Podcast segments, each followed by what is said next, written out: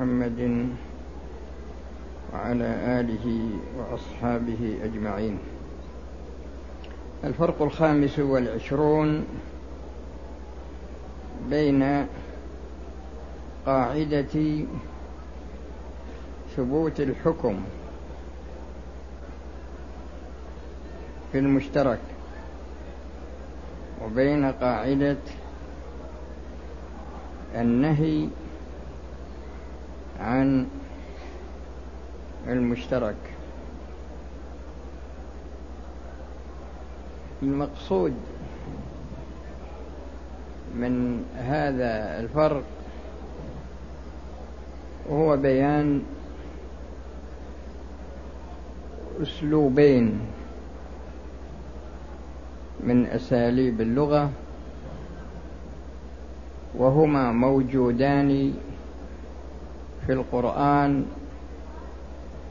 وموجودان في السنة.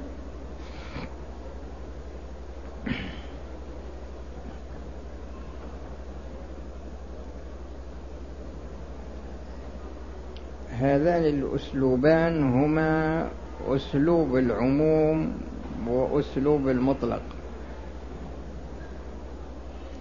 أسلوب العموم وأسلوب المطلق يعني أنه يأتي أدلة في القرآن وفي السنة مشتملة على العموم.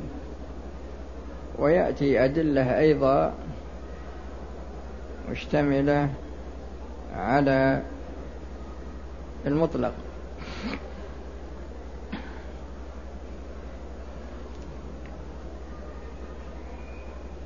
وهذان الأسلوبان داخلان في مسمى المشترك. في مسمى المشترك. والمشترك من حيث الأصل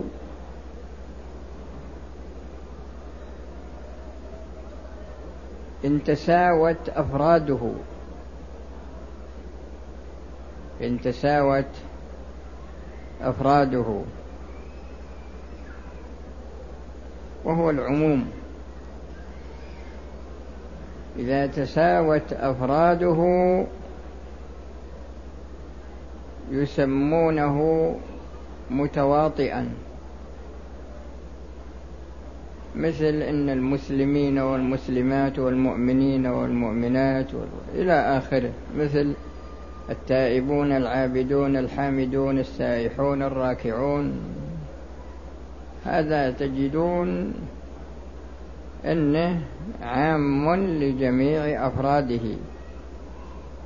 يسمونه متواطئا.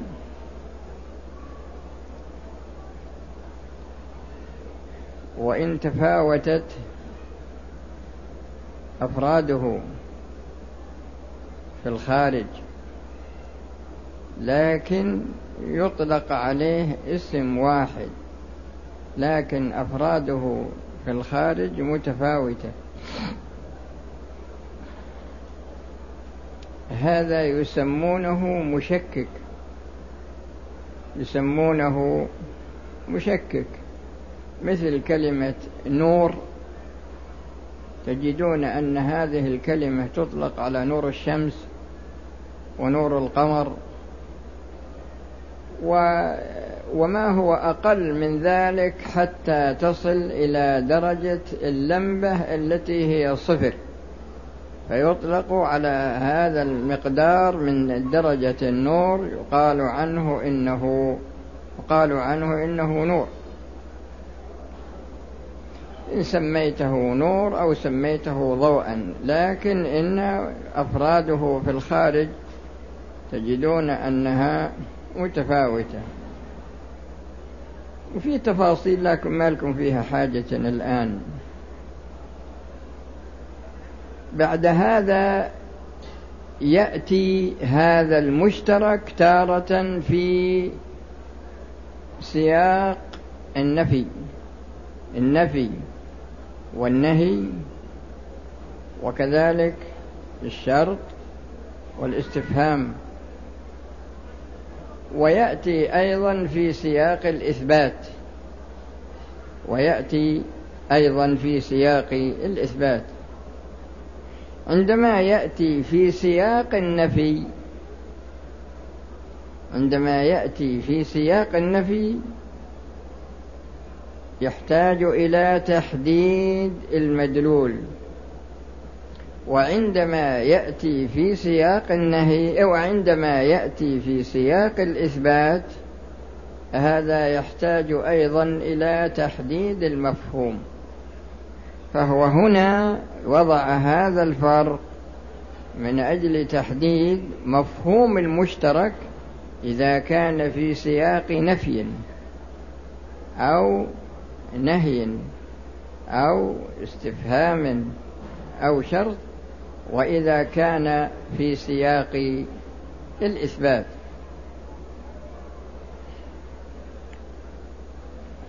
وذكر هنا أقساما ثلاثة.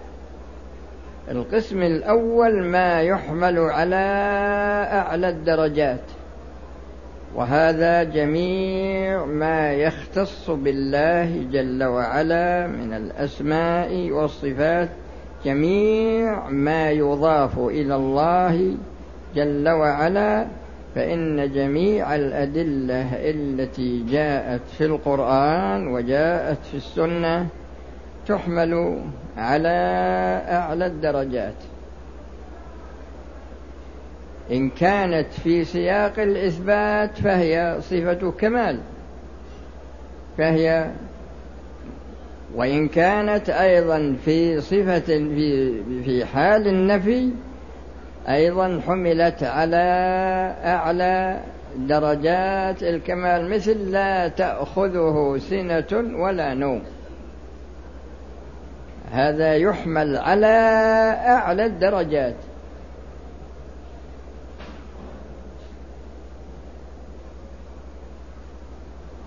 وإن كان في حقوق الآدميين الإقرار يعني أقر إنسان لإنسان فهذا يحمل على أدنى الدرجات يحمل على أدنى الدرجات. وإن كان من غير هذين القسمين فهذا يحتاج إلى يعني الأصل أنه يحمل على يعني الأصل أنه يحمل على أعلى على أدنى الدرجات المجزئة. مثل ما لو قال شخص أعتق رقبة فكلمة رقبة هذه يدخل فيها العالم والجاهل والطويل والقصير وإلى آخره. لكن لو كانت هذه الرقبة مشتملة على عيب يوجب الرد في المعاملات فحين يعني يكون فيها ضرر مثل المريض مرض الموت. فالمقصود أن أن هذا لا بد من التنبه له. وهكذا في تقرؤون عاد الكلام الذي ذكره رحمه الله لكن هذا هو أصل الموضوع. الفرق الذي بعده.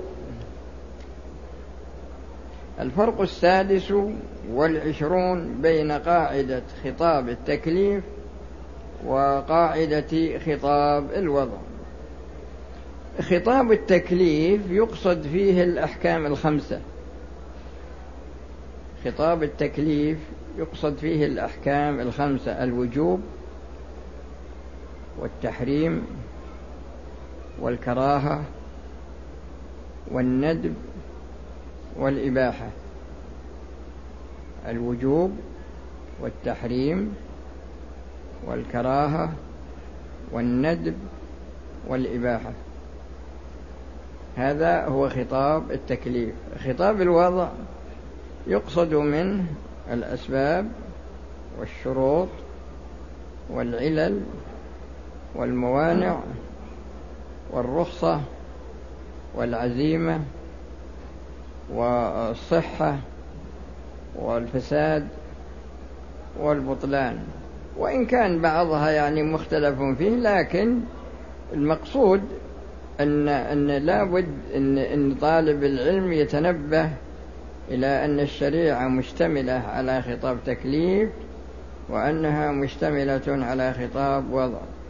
هو هنا يريد أن يبين ما هو الفرق بين خطاب التكليف وخطاب الوضع من ناحية أثر كل منهما لأن في فرق بينهما من حيث الصيغة. في فرق بينهما من حيث الصيغة. وبينتها لكم أنا قبل قليل.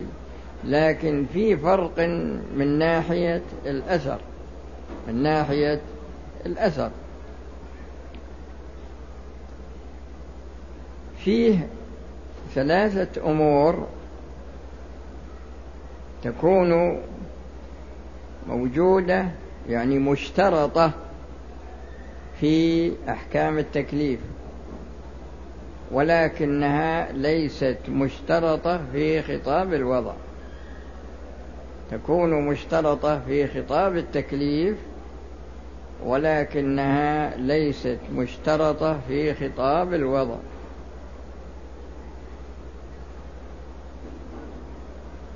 الشخص عندما يريد أن يصلي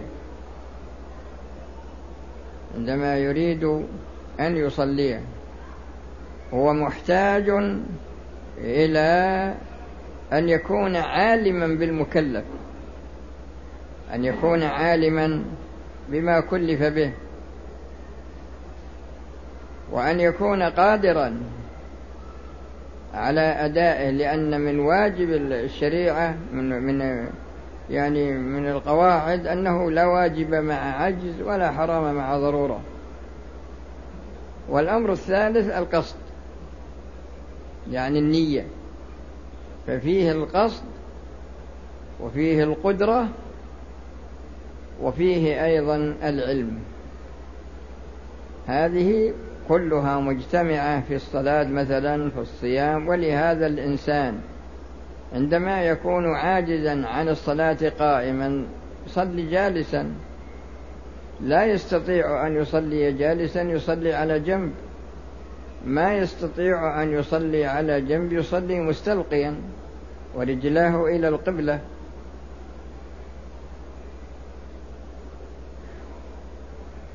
وهكذا بالنظر إلى الصيام وهكذا بالنظر للحج للعمرة وهكذا سائر التكاليف.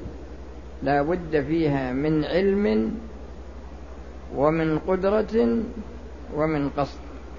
لكن القصد في باب التعبد هذا القصد شرط لصحة العمل من جهة وللثواب عليه من جهة أخرى. أما العادات فالقصد شرط في الثواب فقط وليس شرط في الصحة. إذا نظرنا إلى خطاب الوضع وجدنا أن هذه الأمور ليست مشترطة. يعني لا يشترط فيه علم ولا قدرة ولا قصد. الإنسان عندما يقتل شخصا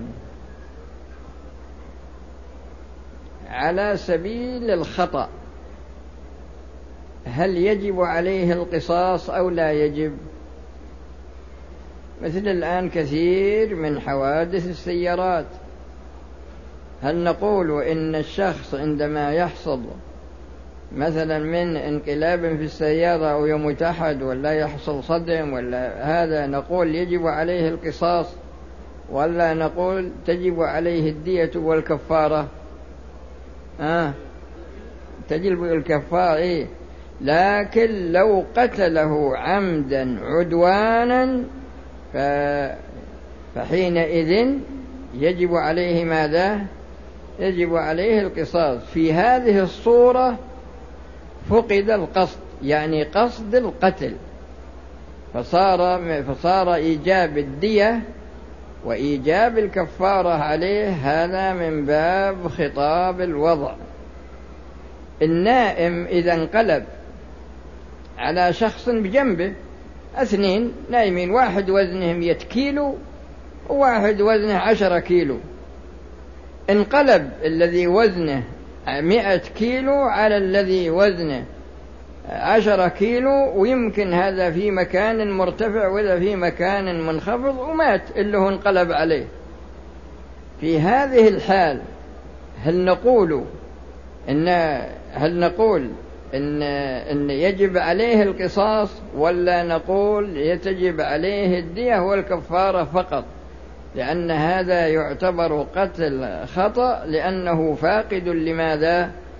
ها فائد الفا... نعم يعني فاقد للقصد وهكذا سائر الأمور التي يفعلها الشخص بدون قصد ويترتب عليها حق ويترتب عليها حق مثل الآن لو رمى صيدا هو يقصد الصيد لكن قتل آدميا ما درى عنه. ما علم به في هذه الحال هل نقول هل نقول هنا كونه يعني غير عالم به؟ ما يترتب عليه الحكم ولا نقول أنه بناء على أنه تسبب في الإتلاف فالعلم ليس بشرط. العلم ليس بشرط. المجنون إذا أتلف مال يعني شب حريق وأتلف مال لشخص وهذا المجنون عنده مال عظيم. هل نقول إن هذا المال الذي أتلفه هذا المجنون نقول لا يجب لا يعني ليس لصاحبه حق أو نقول إن هذا تسبب وإيجاب الإتلاف شرط من شروط ماذا؟ من شروط التكليف من شروط الوضع من شروط يعني كون انه يعني كون إن الشخص هذا غير عالم لأنه فاقد للعقل ما عنده علم فاقد لعقله. هذا نقول ان نقول إن الإتلاف هذا في حقه واجب. وكذلك صبي. لو أتلف مال مثلا لشخص نقول يجب على وليه أيضا. وهكذا. فالمقصود أن خطاب التكليف لا بد فيه من العلم ولا بد فيه من القدرة ولا بد فيه ها من القصد. أما خطاب الوضع فلا يشترط فيه علم ولا قدرة ولا قصد. والتفاصيل التي ذكرها رحمه الله ترجعون إليها. لكن هذا هو أصل الموضوع.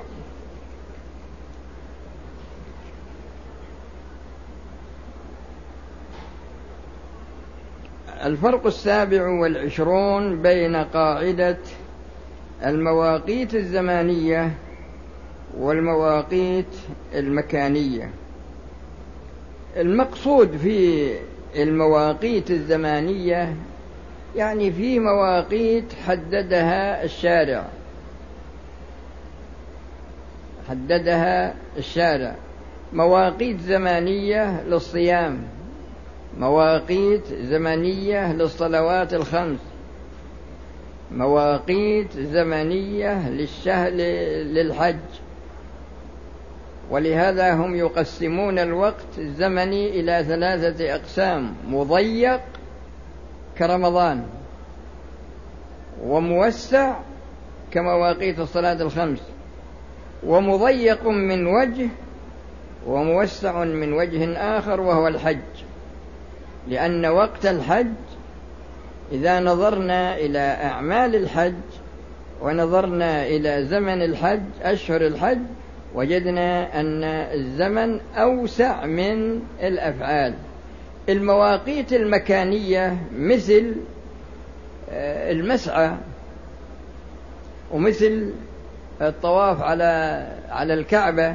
يعني لو طاف الإنسان في مكان آخر أو سعى في مكان آخر ما كفى ما, ما, ما جاز له. ومثل تحديد عرفة للوقوف. ومثل تحديد مزدلفة للمبيت. ومثل تحديد منى للمبيت. وتحديد مواقع الجمرات. وهكذا ففيه في الشريعة مواقيت زمانية وفيه مواقيت مكانية. هذه المواقيت الزمنية وهذه المواقيت المكانية هذه تعتبر من الأمور التوقيفية بمعنى أن الشخص ليس له حق في أن يتصرف فيها في زيادة أو نقص. نعم إذا كان الإنسان عنده أعذار إذا كان عنده أعذار يعني فقاعدة الشريعة أن العذر له حكمه. يعني مثل إنسان لما قدم من مزدلفة من من عرفة وجاء مزدلفة وصلى العشاء أصيب بمرض ونقل المستشفى في الحال هذا نقول سقط عنه المبيت لأنه عاجز عنه بسبب المرض. ومن قواعد الشريعة أنه لا واجب مع عجز. لكن لو أن إنسان مثلا لو أن مثلا جهة من الجهات يعني حددت مكان قالت هذا هو محل المبيت أو هذا هو محل رمي الجمار أو هذا هو محل الوقوف. يعني أنشأ مكانا جديدا أو اختصر من المكان الموجود. يعني ألغى نصف ونصف ثاني قال هذا محل للوقوف وللمبيت. أو أو أو أمكنة الجمرات الثلاث يعني تصرف فيها مثلا زيد فيها في أحواضها وإلا مثلا نقلت في مكان آخر علشان يعني نقل الناس إلى الرمي في مكان علشان مثل ما يقولها الحين في بعض الناس يقولون الدين يسر. واحد مقترح يقول ورا ما ينشئون مسعى آخر. بجنب المسعى هذا الدين يسر. يصير المسعى الموجود للناس اللي يجون والمسعى الجديد هذا للناس اللي يروحون للمروة. وعمر رضي الله عنه يقول لو كان الدين بالرأي لكان أسفل الخف أولى بالمسح من أعلاه فالمقصود أن هذه مواقيت مكانية توقيفية مواقيت زمنية توقيفية ليس لأحد حق في أن يتدخل فيها. وتقرؤون التفاصيل التي ذكر لكن هذا هو الأصل. ويكفيكم هذا ونسأل الله سبحانه وتعالى لنا ولكم التوفيق. والذي وقفنا عليه من أجل الإخوان اللي يتابعون علشان يقرؤون قبل يجون. الفرق الثامن والعشرون بين قاعدة العرف القولي يقضى به على الألفاظ ويخصصها وبين قاعدة العرف الفعلي لا يقضى به على الألفاظ ولا يخصصها. وإذا كان عندكم أسئلة قدمونها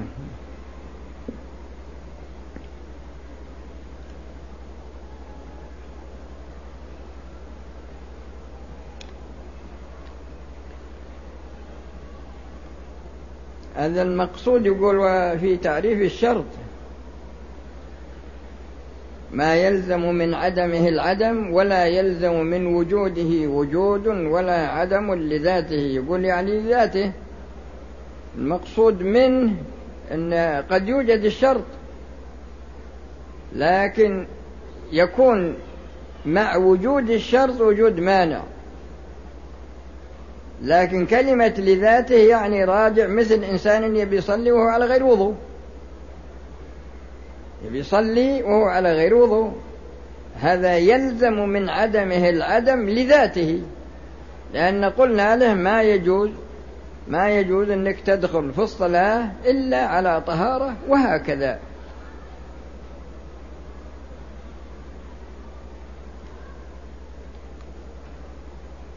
صليت الفجر وبعد الصلاة وجدت على السراويل أثر. فأعدت الصلاة ولكن بعد طلوع الشمس. إذا كان إنك وجدت أثر نجاسة والنجاسة حاصلة منك في أثناء الصلاة. فهذا انتقض الوضوء وعملك هذا صحيح من ناحية إعادتك الصلاة. أما إذا كان السروال فيه نجاسة قبل أن تدخل الصلاة ولم تعلم بالنجاسة إلا بعد الفراغ من الصلاة فليس عليك إعادة الصلاة فصلاتك صحيحة.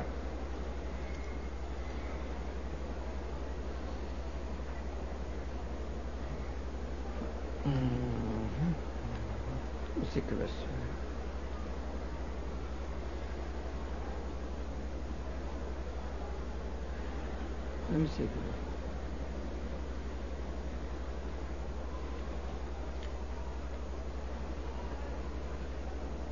الله يرحم حالنا وحالكم. بس شخص فاته الركوع الأول في الركعة الأولى من صلاة الخسوف. فقام بعدما سلم الإمام ثم يعني يأتي بالصلاة بالركعة التي فاتت. صلاة الكسوف تدرك الركعة فيها بإدراك الركوع الأول. فإذا فاته الركوع الأول فقد فاتته الركعة الأولى فإذا سلم الإمام يأتي بالركعة الأولى كما أتمها الإمام. كما فعلها الإمام. قمت بأداء العمرة محرما من أبيار علي والآن أريد عمل عمرة لجدتي المتوفاة. نعم يجوز لك والميقات هو التنعيم. وهذا يقول إيجاب الزكاة في مال الصبي هل هو من باب هو غير مكلف هو. الصلاة واجبة في يعني يجب على وليه أن يخرجها.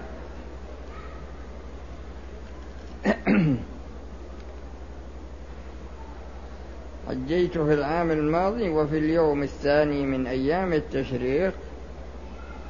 هذا سألني أمس إذا كنت حللت إذا كنت طفت سعيت يوم العيد ورميت الجمرة وحلقت أو قصرت يعني ما يكون لهذا أثر في الحج لكن إنه عمل محرم.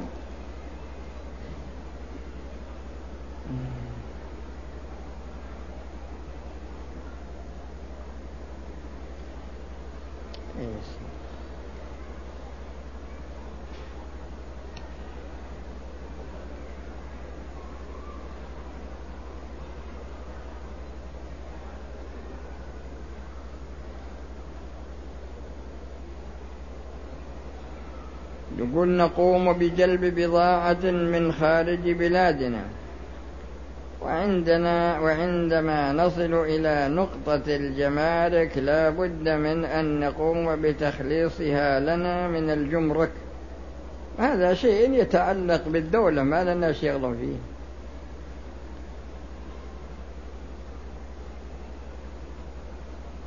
ما نصيحتكم لمن تغلغل الحسد؟ في قلبه إلى درجة أنه إذا حصل لأحد من معارفه على وظيفة أو ترقية فإنه يصاب بشيء من الغل. يا أخي الله سبحانه وتعالى قال ومن شر حاسد إذا حسد. وفي الحسد له أحوال. الحالة الأولى أنك إذا رأيت شخصا أنعم الله عليه بنعمة تمنيت أن يزيل الله هذه النعمة عن هذا الشخص.